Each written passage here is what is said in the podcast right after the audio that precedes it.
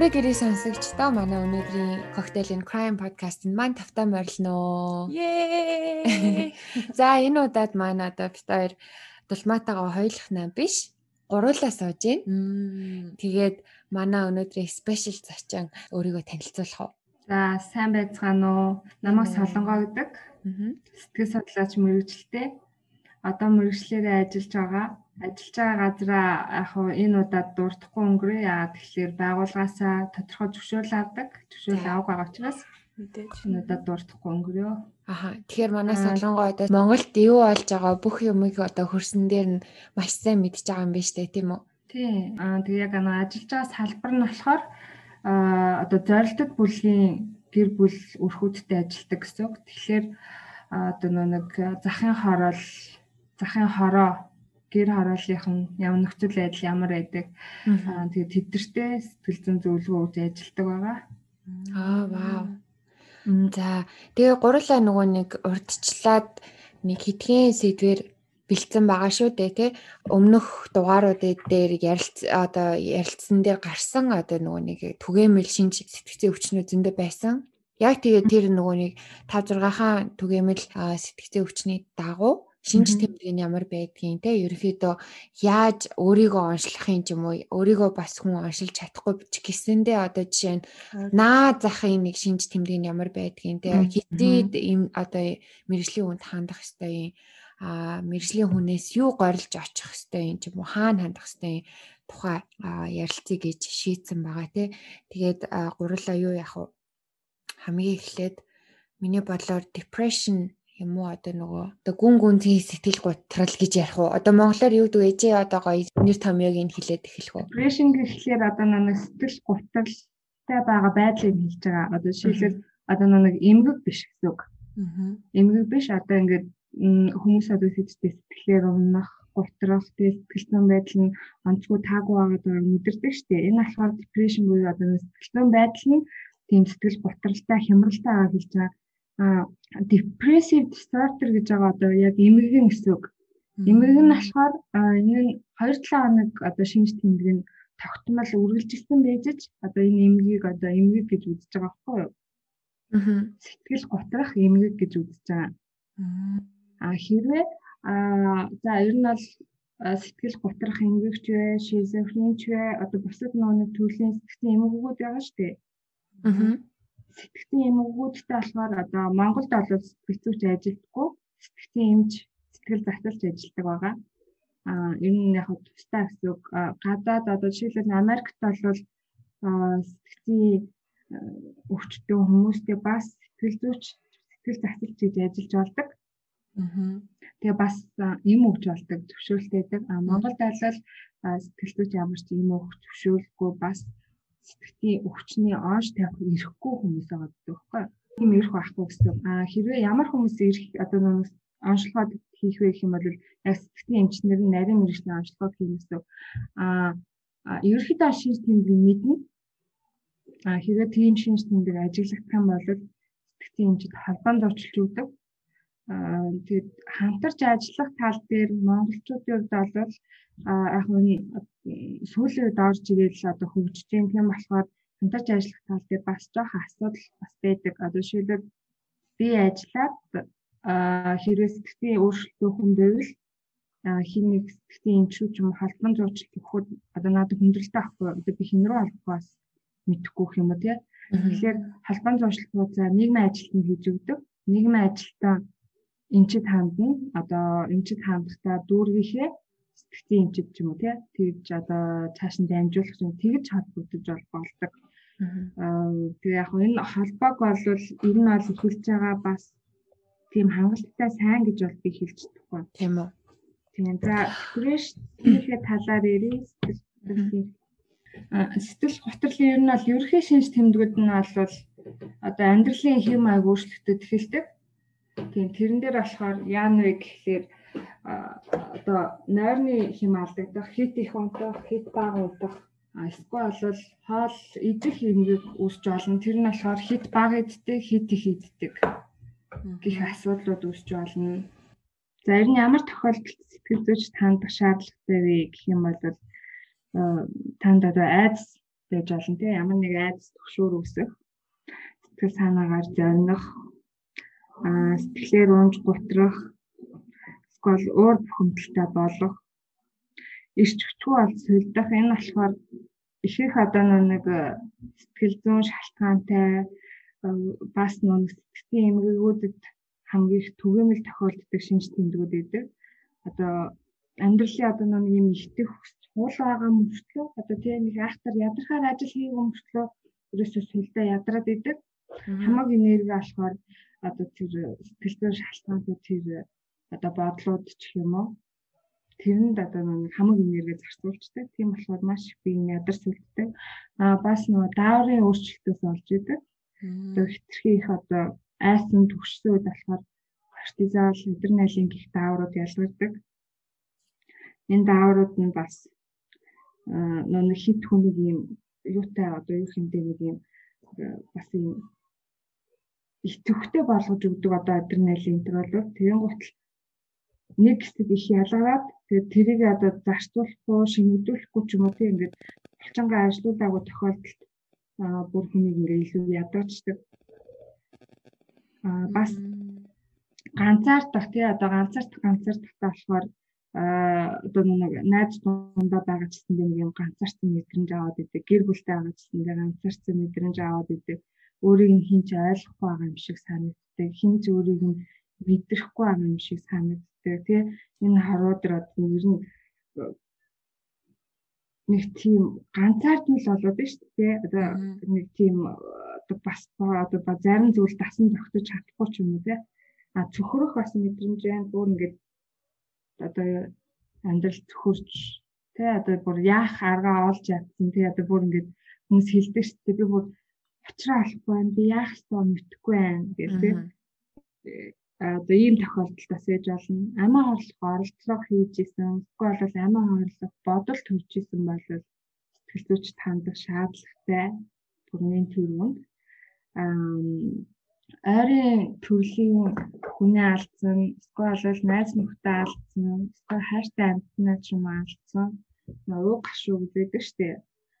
Уу гашуу тохиолддог. Тэгээд тэр болохоор уу гашуу ч өөрөө тодорхой хугацаатай байдаг.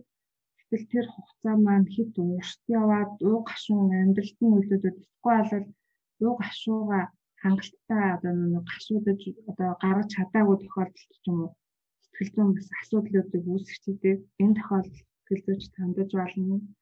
Юмд анхаарч чадахгүй, төвлөрч чадахгүй тий энэ нь болохоор олон шалтгаантайгаар одоо анхаарч төвлөрөхгүй гэж болно. Нэгт болохоор өөр ингээд сэтгэл санаа заваад байгаа олон бод санаануудаас болоод анхаарал нь төвлөрөхгүй эсвэл бол бүр ингээ хаач ирчдэг тийм ингээд гэхдээ юу ч бас анхаарал нь төвлөрч чаддгүй ч юм уу тийм тэгээд ер нь барьсан тавьснаа байн марцаад идэг болчтой. Жишээлбэл одоо төрсний дараа сэтгэл готрол гэж ярьдаг шүү дээ. Ихчүүд.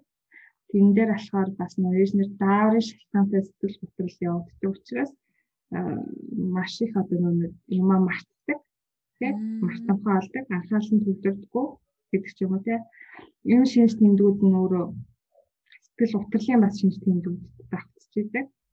Аа бас ой тогтоол эрт муудах болвол бас сэтгэлзүйч танд нь магадгүй энэ сэтгцийн бас өөрчлөлт энгүүгүүд бас байж болно. А тогтолтой хит алдаж байгаа нь Альцгеймер ч гэдэг юм одоо өөр бас төрсөн жаалттай эсвэл энгүүгүүд байж болно. Эсвэл бол одоо сэтгэл готрлын шинж тэмдэгтэй үед бас а тогтолт нууддаг. Тийм тэгэхээр нөгөө нэг анхаарал нь ер нь бол өөр зүйлтэй төвлөрч идэг тогтвортой яг нэг юмд анхаарч чаддаггүйс болоод энэ тогтоол бодож идэг. Бас буруутай гэмтэй тийм мэдрэмж өөрт төрөх өөрөө тийм юм буруутай шиг мэдрэмж төрдөг. Хичүү тий одоо нэг гимших гэдэг юм уу одоо нэг тийм мэдрэмжүүд төрдөг штэ. Тэгээд яг юунаас болоод тэр хүн буруутай тийм мэдрэмж төрөөд байна гэдэг Энэ бол аюул чухал гэдэг. Тийм учраас сэтгэлзүйч бас хандах шаардлагатай. Тийм ямар шалтгаантайгаар тийм буруутай мэдрэмж төрөд байна. А ямар нэг буруу зүйл үнэхээр хийсэн үү? Эсвэл шалтгаангүйгээр өөрийгөө буруутгаад байна уу? Эсвэл одоо юу хийндээ бусад ингээд хүчин зүйлээс болоод одоо тийм төвшөр үүсэх нөхцөл байдал үүсч болно. Жишээлбэл осол даална гэж бодъё л да. Ати осол орсон гэж бодъё. Тийм гот аа нөө би өөрөө машин сайн барьж чадаагүй болохоор асал хийгээд хүмүүсийг гинтэжтэй гэдэг мэдрэмж ч юм уу тий. А уулын тэр хүний шалтгаантайгаар асал болоогүй. Цаад одоо нөө нэг өөр шалтгаанаас болоод асал үүссэн гэж болно шүү. Тэгэхэд эсвэл бол нэг гэр бүлийнхэндээ анхаарал халамж тавьж чадахгүй байгаа гэж өөрөө өөрийгөө буруутгадаг ч юм уу тий. Эсвэл бол одоо одоо нэг хүүхдүүд нь найзууд нь хань ажил нь эсвэл гэр бүлийн хин нэг нэгэ ямар нэг хэцүү хүнд байдалд ороход өөрийгөө ямар нэг байдлаар буруутгах байгаа нь энэ өөрөө ямар шалтгаантай яг одоо нэг чүү үсэд байна гэдэг аюул чухал. Яа тэгэхээр хүнд одоо хамгааллын механизм гэж зүйл байдаг. Одоо сэтгэл өөрөө өөрийгөө хамгаалах нь шүү дээ ерөөхдөө. Аюултай тийм мэдрэмжээс хүнийг өөрөө өөрөөр нь хамгаалдаг байхгүй. Тэгэхээр энэ буруутан мэдрэмж нь өөрөө өөрийгөө үүсгээд хэлдэг. Тэгэхээр сэтгэл хамгаалахын тулд буруу нэг бол өөр тийшээ чихэн. Нэг бол энэ одоо нэг ижлэх гэж үзэн тий бүгд адилхан юм зүйл хийдэг штэ гэдэг ч юм уу тий. Тийм болохоор энэ буруутан мэдрэмж ичхүүр санжуур гэдэг ч юм уу энэ мэдрэмжүүд өөрөө бас их чухал гэдэг байгаа. Аа яг зүгээр энгийн жижиг сажиг зүйлэх болов заавал тэг шаардлага байхгүй одоо жишээлбэл хийсэн дээрээ юм асаад мөхөд толго болгоод тэр нь өөрийнх нь буруугаас болсон гэдэг нь тодорхой асуудал дээр тий заавал энэ гин шиг бодол байж болно. А энэ болохоор нэлээд эмгэг шинжтэй болж эхэлдэг энэ буруутан мэдрэмж нь.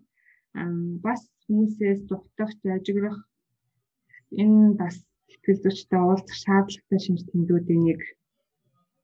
Яа тэгэхээр хүний үндсэн эрхүүд байдаг. Тэрэн дээр болохоор нийгэмшигтэй нийгэмтэй харилцаа үүсгэх гэсэн.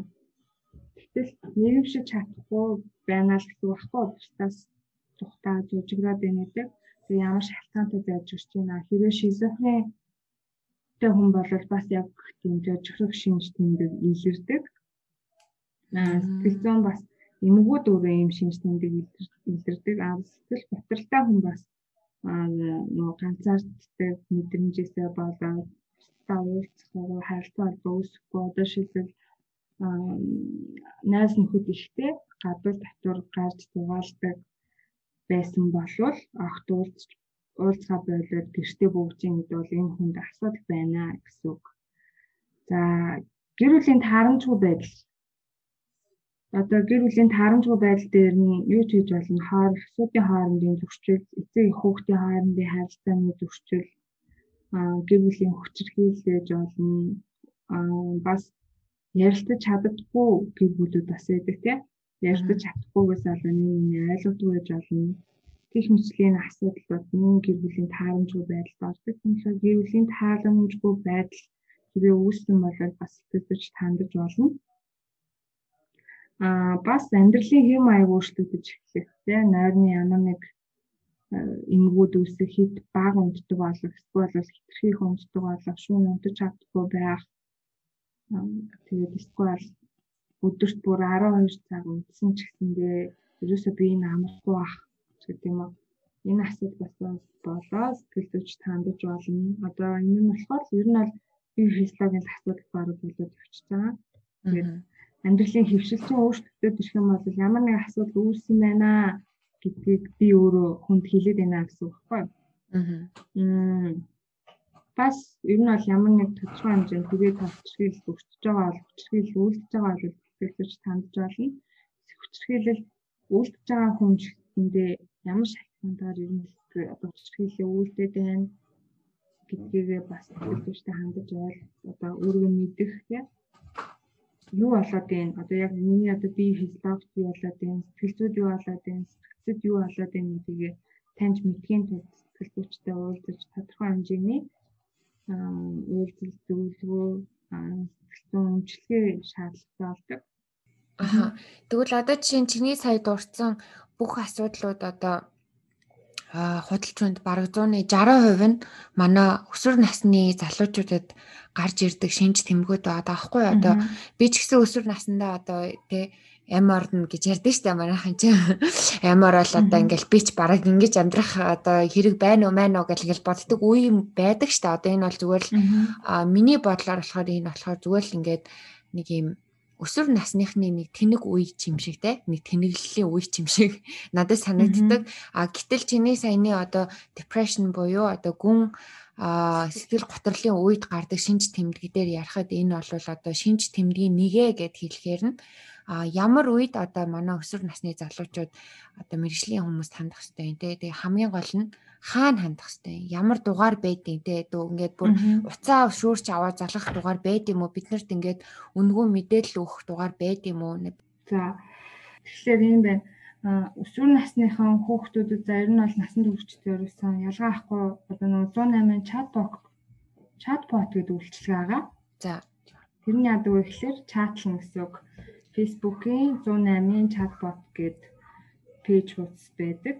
Аа тэгээ бот гэхээр одоо жишээ нь бидний бодлоор болохоор бот аха бот гэдэг нь одоо биднийхаар бол одоо автомат хариулагч буюу робот гэж санагдаад байгаа байхгүй. Тэгэхээр бид нар одоо яг жинхэнэ үнтэй яриад байгаа юм эсвэл автомат хариулагчтай. Аа за. Жинхэнэ үнтэй гэсэн үг. Тэнд болохоор яадаг гэхээр энэ болохоор нөө төрөөс гаргаж байгаа үйлчлэгээ. Мм гурван ээлжээр сэтгэл зүйч ажилтдаг байгаа яг мэрэгжлийн сэтгэл зүйч 8 8 цагаар нь ажилтдаг. Яг 24 цаг ажилтдаг. Тэгэхээр та хэрвээ одоо нэг тэгээ чатботт ямар нэг одоо сэтгэл зүйн шалтгаанаа бичвэл тэндээс яг мэрэгжлийн хүн нь танд ирүүлээ хариу бичнэ гэсэн үг. Бас 108 руу ярьж бас зөвлөгөө авч болно. Гэхдээ яг 108-ийн одоо нэг мэрэгжлийн үйлчлэл үзүүлэх хүн яг мэрэгжлийн биш бах харин чатбот нь бол мэрэгжлийн хүмүүс ажиллаж байгаа. Аа зөв зөв. Аа бас сэтгцэн эрүүл мэндийн үндэсний төв гэдэг одоо нэг хүмүүс шар хадны эмнэлэг гэж ярьдаг. Тэгээд яг шар хадны эмнэлэг гэж ярих нь хүмүүс жоохон буруу ойлголт өгдөг юм шиг байгаа. Тийм тэгээд яг сэтгцэн эрүүл мэндийн үндэсний төв нь болохоор одоо яг юу хүндээ сэтгцэн эмгэгтэй гол хүмүүсийн үйлчлүүлдэг газар гэсэн үг. Тэгээд хэрвээ тэрний газраар үйлчлүүлж байгаа тийш очих шаардлагатай болох юм бол санаа зовх ч юм уу, ичих ч юм уу зүйл байхгүй. Яагаад тэгэхээр хүн болгонд сэтгэл зүйн шалтгаантай бас тийм зовиурууд илэрч идэг бас одоо юу хин сэтгцийн өвч өөрөө тийм бас цөөнч бас биш. Түгээмэл одоо болж ер нь бол дэлхийн нийтээрээ машин төрлийн өвчин байна. Тийм. Аа бас Ер нь бол өөртөө анхаарал тавьж байна гэж ойлгож байна. Одоо бид нэр шаардлагатай тохиолдолд эмнэлэгт урьдчилан сэргийлэх хүслэг хийлгдэг шиг а бас сэтгцийн эрүүл мэндийг бас анхаарах шаардлагатай байна. Тэгэхээр сэтгцийн эрүүл мэндийн үндэсний төв 24 цагаар бас ийм утасны үйлчилгээ байгаа 24 цагийн 1008 юу 1800 2000 1802 мянга гэсэн үг. 1802 мянга. Аа. Тийм 24 цагаар ажилладаг. Тэгэхээр өдөрч шүнж хамаахгүй энэ дугаарлуу залгаад мэрэгжлийнд ажиллаж байгаа учраас ярьж болно. Асуудал ярьж болно. Аа за энэ дугаараас нь бас цаг авч болдог бах. Хэрвээ цаг авах юм бол авч өөрчлөх юм бол одоо сэтгцэн эрүүл мэндийн үндэсний төв дээр сэтгцэн эмчээс гадна сэтгэл зүйч нар бас ажиллаж идэг. Тэгэхээр эхний удаагийн зөвлөгөө үн төлбөргүй дараагийнх нь зөвлөгөө 17 мянга гэж санагдаж байна. Аа. Тийм. Аа бас дүр болгоны эрүүл мэндийн төвүүд гэж байгаа. Одоо нэг дүр болгоны эмнэлэг, дөрвөн эмнэлэг болгон дээр бас сэтгцийн эмч болон сэтгэлзүйч байгаа. Аа. Тэгэхээр дүүргийнхээ эмнэлэгт хандаж бас болно гэсэн үг. Аа өөр бас хаана хандах вэ гэхээр дүр болгоны гэр бүл залуучууд за гэр бүл залуучууд хүүхд хилцэс гэж үүдэг баг шүү. За тэгэхээр энэ хилцээр бас яг мэрэгжлийн сэтгэл зүйч ажиллаж идэг. Бас үн төлбөргүй сэтгэл зүйн зөвлөгөө өгдөг. Тэгэхээр хөдөө орон нутгад бас байгаа. Аймаг аймагуудад баг ихэнх аймагуудад байгаа ах шүү.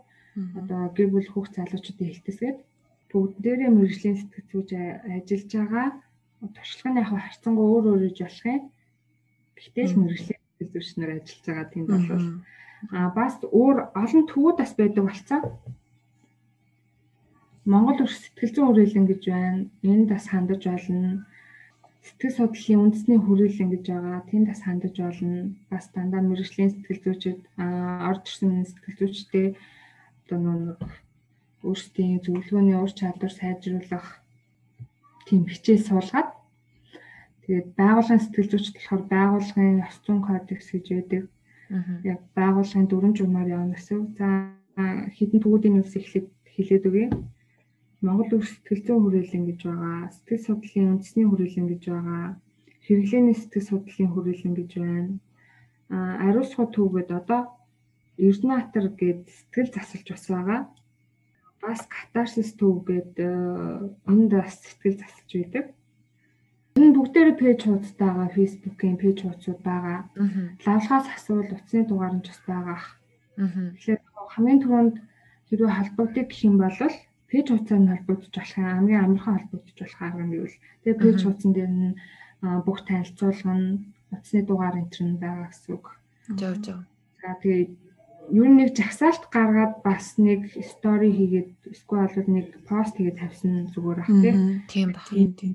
Байн тийм тийм газрууд идэг гэд. Аа та урд нь дурдсан одоо нөгөө нэг depression гэл те ярьж байхад шизофреник дурдлаа Аа за тэгээд өшөө олон олон эмгэгүүд байна л да. За тэгэнгүүт бит хоёр одоо нөгөө нэг бүх олон дугаараараа ярьж исэн шиг одоо бүх дугаарууд дээр давтагддаг те одоо нөгөө narcissism тэгээ нөгөө sociopath тэгээ schizophrene гэдэг юм яг юм түгээмэл нэг хідэн сэтгэл зүйн эмгэгүүд байдаг штэ тий. За тэр тухай юу ч гэсэн одоо сонсогчдоо мэдээлэл өгье гэж бот одоо бараг 10 ширхэг тийм түгээмэл сэтгцийн эмгэгүүд байгаа юу. Тэгэхээр тэр болгоныг нэг нэгээр нь товчхон шинж тэмдэг болоод одоо яаж илэрдгийн яаж энийг тусдгийн ч юм уу тэ хаана хандах хэвээр тэр талаар гяс гяс яриад явчих гэж бодож байна. Юу яа ойролцоог нь би багцлаад тэгээд яриа яриа авчи. Тэгэхээр болохоор би юу ярих гэж бол бодож байна. Парапил гэж байгаа. Парапил гэдэг нь болохоор одоо юу гэсэн үг одоо гаж тийм сексийн хүсэл сонирхол одоо өөр зүйлийн сексийн сонирхолтой хүмүүс байдаг шүү дээ. Одоо жишээлбэл амтэн сонирхдаг тий амтэн сексийн дургслан төрдөг. Эсвэл бол одоо тэр некропил гэж ярьж исэн өмнө нь цогцтой бэлгийн харилцаанд ордог тий. Өөр бас бус одоо нэг парапил дотор ч одоо одоо нэг бэлгийн харилцаанд орж явахт ялгадас малгацтай холбот тэр жоохон эвүүлдэ ерөөхдөө сексийн одоо нэг гаж дур хөслүүд те а бас педофил ян педофил нөгөө нэг хүүхдийн сексийн объект болгож хардаг те а бас садизм байна одоо нэг тарчлаан зовоожж тэр одоо өвдөж байгаагаас нь ч юм уу шаналж байгаагаас нь тэр тэрнээсээ таашаал авдаг. Эсвэл масохист гэж байна. Масохист нь болохоор яг садистийн эсрэг нь одоо өөрөө өөрийгөө тарчлаан зовоож иж тэр одоо таашаалыг авдаг. Өөрийг нь тарчлаахт нь дуртай байдаг тий. Энэ бол ерөөсөө сайн зүйл биш шүү дээ. Тэгэхээр э, ер нь бол энэ эдгээр хүмүүс яагаад байна вэ гэхлээр одоо хүнийг сексийн объект гэж хараад байна. Хүн биш амьд зүйл гэж харахгүй объект гэж хараад байгаа байхгүй. Тэгэхээр объектэд одоо нэг объектыг өрөвдөх сэтгэл тэдэнд төрөхгүй тий өрөвдөхгүй эсвэл бол тэр объект учраас өөрийгөө одоо нэг таашаалыг ингээд яаж бол яаж ингэж гаргадаг гэх юм уу да тий тэгэхээр яагаад бид нэр объект одоо яагаад объект гэж хараад байна яагаад одоо жоохон бага насны хүүхдтэй бэлгийн харилцаанд орох сонирхолтой байгаад байна. Яагаад тийм садист яагаад мазохист байгаад байна гэдэг нь одоо сэтгэл зүйн шалтгаантай гэсэн үг. Магадгүй хүүхэд насных нь амьдралтай холбоотой. Аа хүүхэд байхдаа бэлгийн хүчирхийлэлд өртөжсэн болвол энэ бол аюул том асуудлыг үүсгэж болно.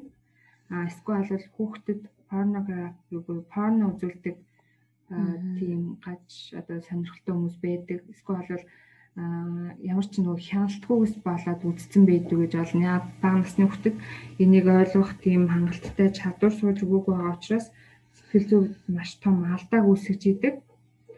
Аа бас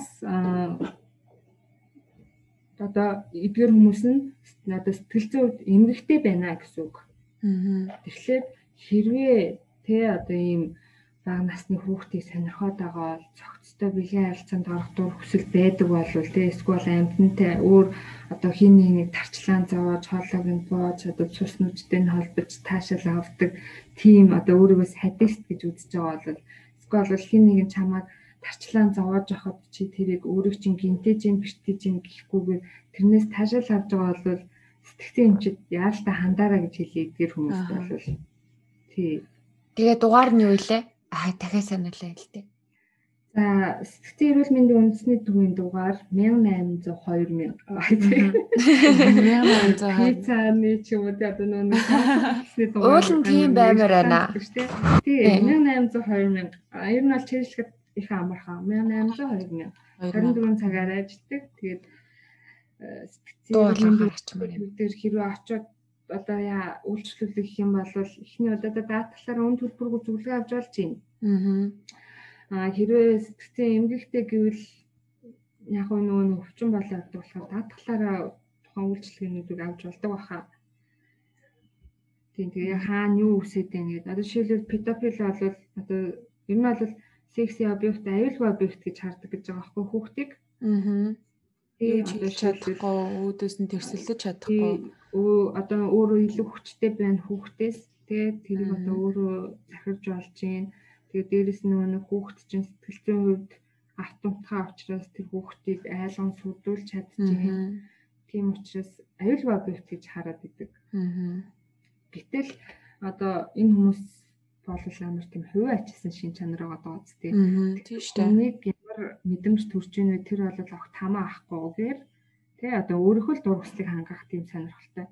Тэгэхээр яг үдгээр хүмүүс нь давхар сайкопат гэж ярьдаг тийм. Психопат гэж болно. Тэгэхээр психопатууд яадаг вэ гэхлээр психопатуудын гол шинж тэмдэг бол тэд нар одоо эмпати буюу бусдыг ойлгож мэдэх чадвар сул алдагдaltaй гэсэн үг. Энэ чадвар тэдэнд байдгүй. Одоо шилбэл хин нэгэн гараа гимтээгээд одоо цус гарцсан явж хахад оо гараа гимтээсэн байна цус гарцсан байна гэхээс ш тэр нь одоо ямар их өвдөж байгаа бол хорсож байгаа хта өвдөж байгаа хта гэж мэдэрдэг гэсэн үг байхгүй юу. Аа. Тий. Аа бас гимших мэдрэмж тэдэнд төрдгүү. Их зоригтой, омоглон, нийгмийн идэвх сайтай тий. Аа одоо их амбицтай сайкопатууд Тийм шүү дээ. Одоо ингээд юу подкаст гэси бас байна. Гэси тийм амар шүү дээ.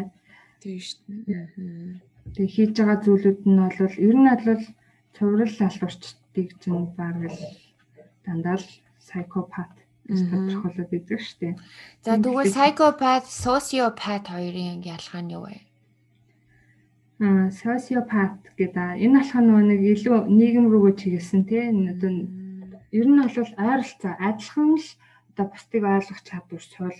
Адилхан л нөгөө гимших мэдрэмж байхгүй. Гэхдээ ялгагдах зүйл нь юу вэ гэхлээр а жоохон одоо нэг сайкопатыга бодвол а одоо социопат гэх юм уу одоо социопат гэх юм уу одоо монголчлол а одоо юу гэсэн үг одоо юу хэмдэ илүү нөгөө нэг тийм ухаалаг биш. Сайкопат нэг ухаалаг байгаа байхгүй хүний арга хэрэг болохтой маш сайн тий хинтээ яаж харцгаа мэддэг нөгөө нэг амьдралынхаа туршид тэрийг зүйлийг гээд авцсан. Арай социопат нь болохоор нийгмийн эсрэг одоо нөгөө нэг тийм үзий атсан хандлагатай байдаг. Одоо энэ хоёр нь хоёулаа нийгмийн эсрэг бие хүний эмгэг гэж явдаг хоёулаа. Тийм тэгэхээр хоёулаа нийгмийн эсрэг байгаа. А гэхдээ одоо сайкопат нь болохоор төрөлхийн байж болно. Эсвэл бол орчны хүчин зүйлээс болоод сайкопат басан байж болно. Магадгүй хүүхэд насных нь гэр бүлийн түүх, гэр бүлийн хүчирхийлэлтэй холбоотой ч юм уу гих мэт асуудлаас асуул эсвэл секс хүчирхийлэлээс холбоотой ч юм уу сайкопатууд үүсч болдог. А харин социопатууд нь болохоор төрөлхийн гэж байхгүй, генийн гэж байхгүй ер нь бол яг л нийгмээс үүсдэг гэсэн үг.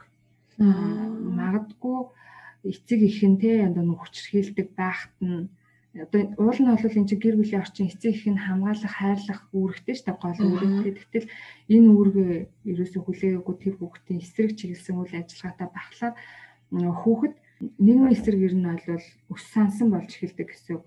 Ерөөсөө те миний эцэг ихч намайг хайрладгүй, нийгэмч намайг хайрладгүй, те миний найз нөхд намайг хайрладгүй, манай багш намайг хайрладгүй, те тэд нар дандаа намайг гинтэж исэн гэдэг ч юм уу тийм нэг юм гомдсон, үс сансан тэр байдлуудаас үүдэлтэй гэсэн үг.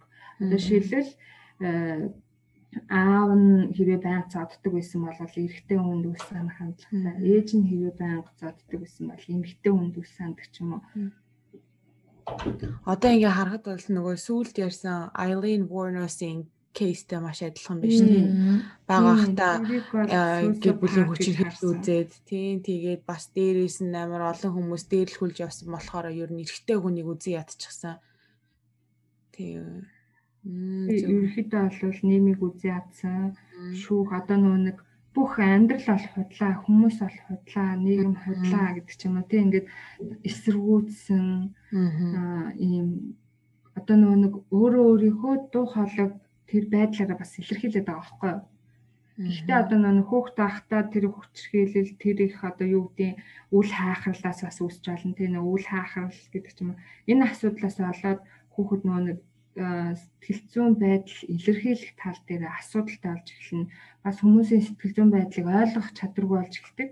Тэрнээс болоод эмпати алдагдах ч юм уу тийм одоо нөгөө нэг бусдыг ойлгож мэдэрч чаддггүй уйлживэл энэ хүн одоо яагаад уйлж байгаа юм би гэдэг тал дээр хунцартайгаар хүлээж авч чаддгүй л гэсэн үг байхгүй. Аа.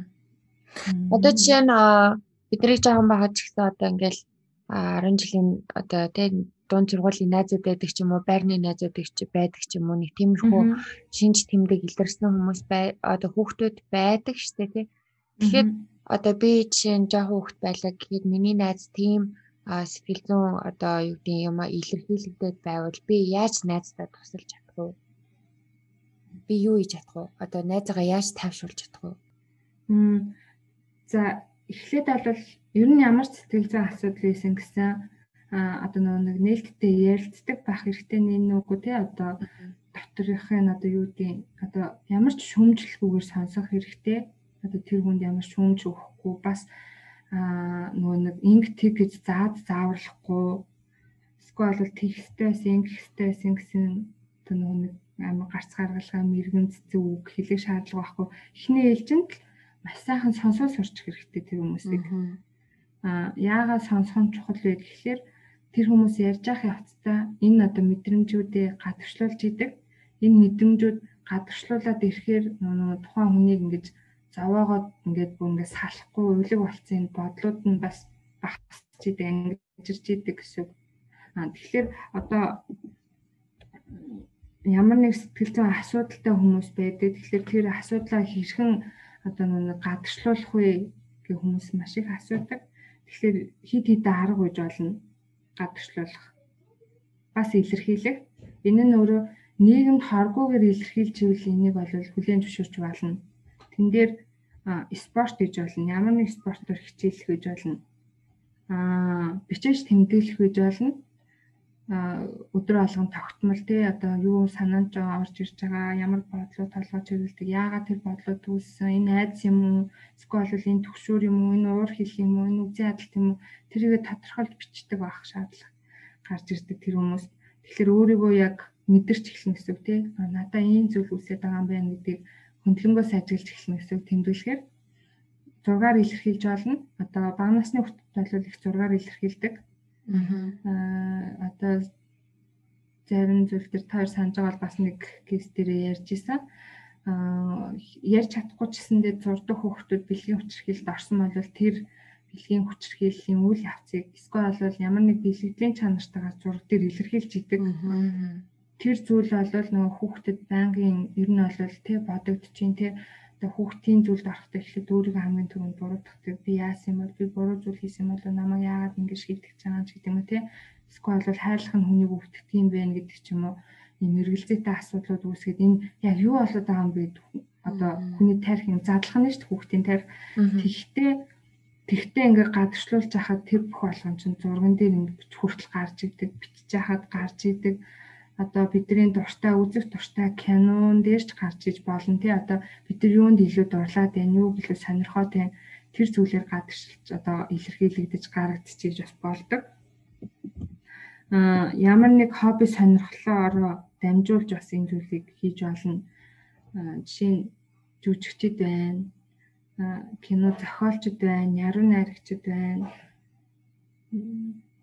Ер нь бас одоо ямар нэг одоо бодит ийм одоо юу хэмтэй бүтээн байгуулалт хийдэг хүмүүс ээж болно. Гараар ямар нэг урлал хийх эсвэл бол бүр том ч юм бийж болно, жижиг ч юм бийж болно. Тэ одоо жишээлбэл цаас урлал хийдэг ч байж болно их мэдчлийн бүтээлч байдлаар ингэж илэрхийлж гарах нь тухайн хүнийг чөлөөлж өгөхөөс гадна тархины үйл ажиллагааг бас доктортой болгож өгөхөд тустай байдаг. Тэгэхээр хэрвээ хин нэг найз чинь ч юм уу тийм ингээд сэтгэл санааны докторгүй нэг л биш байгаа санагдаад ах юм бол юу асан талаар нэхлээ сонсох хэрэгтэй. Аа тэгээд ихтгэлтэй үн болоод одоо юу хүндээ яриаг нь бас хамаагүй хүмүүст амжуулж болохгүй нэ шүү дээ. Тэгээ хүүхдүүдийн хувьд бол магадгүй тэнд очиод тараачдаг асуудлаас болоод нэг үе тэнгийн дээрлэхэлт ч гэдэм үү эсвэл нэг нэгэнд итгэхгүй байдал үүсдэг асуудлууд бас байдаг. Аа нарциссист байна тий нарциссист хүмүүс тий psychopath sociopath бас төстэй.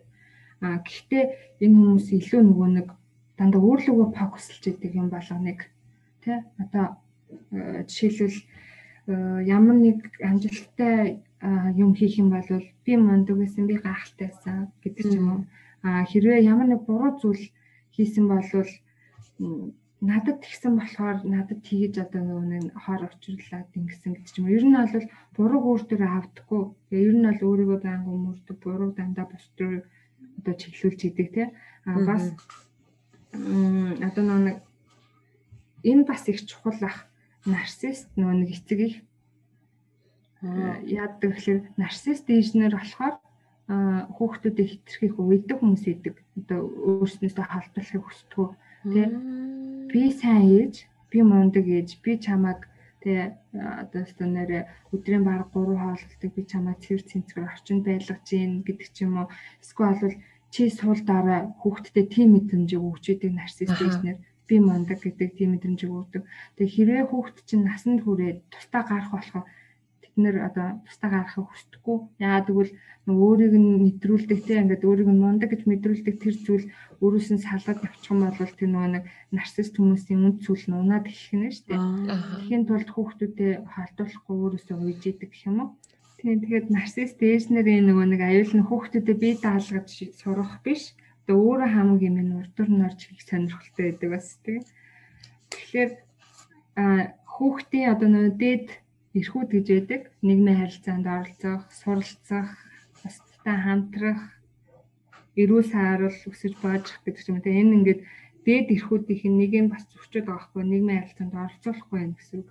Тэ одоо хүүхдээ чи сул дараа чи чадахгүй чи эмзэг штэ чи өвдчтэй тий одоо юу гэдгийг энэ байдалд өөртөө итгэдэг тэгээ хүүхдүүдээ ч итгүүлдэг гэсэн үг. Аа. Тэгээ зөвхөн өөрийгөө л бодчихээ тий бусад хүмүүс яах нь хамаа ахгүй гэдэг ч юм уу эдгээр өгөөд нь магадгүй хүүхдээ ч бас тийм байдалд оруулж болно. Эсвэл бол бүр асуудал үүсгэж болно. Мм зааж нэг кейс санаж байна. Зааж би нэрээ мэдтгүй нөгөө арсаар юм хийгээд идэх юм блэ? Эдгийн. Энэ арсаар аа тий эдгийн чи ээжийг бол би нарцист ээж гэж хараад байгаа байхгүй юу? Яа тэгэхээр хүүхдээ ерөөсөө би даалгадаггүй өөрөө их мундаг эмэгтэй бусад эмэгтэйчүүдийг болохоор дуудсардуулаа гэж ярьдаг тий. Нөө өөрийгөө хиддэг үйл гэсэн бусдыг болохоор бүр юм чинээ боддгоо тий. Тэгээ дээрэс нь хүүхдүүдээ өөрсдөө холдуулдаггүй тэгэл нийгмийн харилцаанд оруулдаггүй яг нэг бодлын тэдний нөгөө нэг ингээд хамгаалаад байгаа юм шиг байгаа. Аа Өөрийнх нь бол бодолд тийм бодолд өөрийнх нь хувьд бол тэр хүмүүсийг хамгаалаад авахгүй. Нийгэм аюултай тийм амар идэг а эсвэл энэ шашинтай холбоотойгоор ч бас байж болно тийм шашны нөгөө нэг янз бүрийн номлолоос үүдэлтэйгээр одоо хит автдаг тийм. Тэгээ хит автснаасаа болоод одоо өөртөө өөрөө ч буруу одоо нэг одоо юмыг буруу одоо муухраар ойлгоцсон хүүхдүүдтэй ч бас тэгж зааж сургадаг гэх юм уу. Тэгээд тэр ээжийг бол би нарцист ээж гэж харсан. Одоо тэгээд энэ нарцист ээж аав нарын гаргаж байгаа зан ааш тий одоо хүүхдүүдэд очруулж байгаа энэ бол одоо хохирол үсттэй одоо хүүхдүүдэд учруулж байгаа дарамт хүчирхийлэл гэж тооцож болно үсттэй тий. Энэ ч бүр хохирол бүр одоо нэг ерөнхийдөө бол асар том хохирол байгаа байхгүй. Хүүхдүүд дахи одоо нэг амьдралыг өөрөө шийдвэрлэхгүй хувь хүн гэдэг нь хийж хүлээн зөвшөөрөхгүйгээр зөвхөн л өөрийн одоо нэг тий ашиг сонирхол өөрийн одоо нэг сэтгэл зүйн таатай байдал тий тэр зүйлдээ л ашиглаж байгаа байхгүй одоо нөгөө нэг биеийг нь төрүүлчээ сэтгэлийг нь одоо оюун ухааныг нь төрүүлдэггүй гэдэгтээ хүлээн зөвшөөрдгүү хүмүүс юм биш те. Ер нь бол хүүхдээ асал миний өмч гэж харж байгаа аахгүй тэр хүмүүс чинь тийм тэгээ дээрэс нь одоо ер нь бол бүх одоо за яг зарим нэг хэцүүцүүдийн нэг гаргадаг бас нэг түгээмэл алдаанууд биш те. Хүүхдийг чөлөөтэй илэрхийлэх илэрхийлэхэд нь одоо юма чөлөөтэй илэрхийлүүлдэггүй гэх юм уу те хязгаарлалт тавьдаг те. Өөрсдийнхөө байнгын хязгаарлалт тавьж идэг. Тэгэхээр яг одоо нөгөө нийгэм бас шал өөр болцсон. Магадгүй одоо нөгөө нэг Чингис хааны үед байсан болов гэд жишээ аваад ярил л да тий. Магадгүй Чингис хааны үед байсан бол хүүхдээ болоод ийм айгу тийм сэтгэлийн хаттай хүүхд болгож хүмүүжүүл ингээд юу гэдэг хар багаас нь хүнд хүнд зүйл хийлэгдэг байж болох юм тий. Одоо тэр үеийн хүмүүжил чинь бас тийм байлаа ш. Яг дайн байлдаанд орно хүн тэг хүн аанд явуулна ан ан гөрөөхийн тэр олон сэтгэлээр өнө гутраад байхгүй тул тэр хүмүүс тэр одоо чадруудыг баг багаас нь алдагдуулдаг тийм хүмүүжлэлтэй байсан гэсэн үг байхгүй юу? Энэ бол соёлын үед. Тийм готлоо одоо тэр хүмүүжил болохгүй шүү дээ. Одоо бол хүн айгуу тийм буян хатан байх хэрэгтэй болцсон. Үзөөж тэр одоо нөгөө нэг хүний одоо нөгөө нэг бүх одоо төрлөөр ер нь л уян хатан байж ижил одоогийн нийгэмд дасан зохицох болцсон. Тийм готлоо хэрэг тийм сэтгэлийн хаттай гээл их тийм ширүүн дориунд байдаг болвол одоо нийгэм таарах болцсоохгүй юу? А зарим хүмүүс ярьдаг одоо би одоо зодуулж өссөн нэг алдсан малга тий. Би хүүхдүүдэд зодтдаг л эсээ хүүхдээ ахт нь одоо тийм тийм сургууль тийм тийм ажил хийгээд тийм тийм мэрэгчлээ мундаг л явж ингээд үгүй эн чинь одоо алдсан байхгүй биш байхгүй. Одоо түрүүн ярьсан те хохирол гэдэг бол хүчрхийлэл яг ингэж дайнжирдаг те одоо хүүхдүүд нь хүүхдүүдээ хүүхдүүдийнх нь хүүхдүүд нь хүүхдүүдээ эсвэл найз нөхдөд өгдөг шүү те тэрнээс гадна бас эдгээр хүмүүсүүд чинь одоо нөгөө нэг сэтгцийн асуудалд одоо гинт хэрэг үлдээд байгаа хүмүүс сэтгцийн асуудалд ороод байгаа хүмүүс яг л энэ гэр бүлийн орчин бол анхдагч орчин байдаг. Энэ орчин хамгийн чухал байдаг. Гэтэл энэ орчин өөрөө ийм амар хайргас хэцгий байх нь бас хүүхдэд яаж хүн дээр тусах уу тий сэтгэл зүйд ямар тий гацаалт үүсэх үү одоо ямар ээдрээ үүсэх үү одоо ямар сайн сэтгэл мэдрэмжээ хүртэл ялгаж чадахгүй шүү дээ. Аа. Тий. За энэ үрээд энэ дугаараа өндөрлөе гэж бид гурав шийдлээ. Яагаад тэгэхээр маш олон одоо ярилцах сэдвүүд байна. Тэгээд өшөө илүү их тэ цаг хугацаа хэрэгтэй юм байна. Тэгэхээр дараа дараачийн дугаараар бид гурав дахиад уулзъя гэж бодож байна. Тэгэхээр энэ энэ одоо дугаарыг энэ хүртэл шимтэн сонсон сонсогчд байвал маш их баярлалаа. Тэгээ та нар маань угаасаа бит хоёр гуйдагтэй одоо нөгөө сонсож байгаа платформ дээрээ а дуртай байгаа бол дуртайгаа илэрхийлээрэ хэрвээ одоо шүмжлэх юм байвал бас битээр тэлэрээ яагаад тэгэхээр контент а дөнгөж хийж эхэлж байгаа учраас бид хоёроос та нарын үзэл бодол маш их чухал байдаг. Тэгэхээр а дургу байгаа бол дургуугаа илэрхийлээрэ хамаагүй дислайка дарна уу, лайка дарна уу. Бид чинь дөнгөж мүлхэд сурж байгаа. Тий. Та нарын ирэхээ. За тэгээд энэ удаагийн дугаартаа оролцож солонгоод маш их баярлалаа.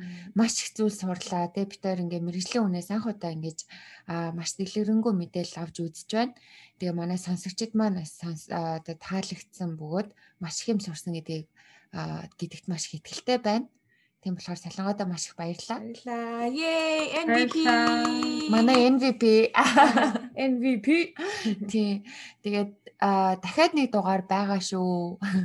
Бид гурав бэлтгэж жагаад маш сонирхолтой бас нэг дугаар та бүхэндээ хүргэх болно гэж амлаж байна. За тэгээд дараагийн дугаар хүртэл баяртай. Bye. Баяртай. Bye.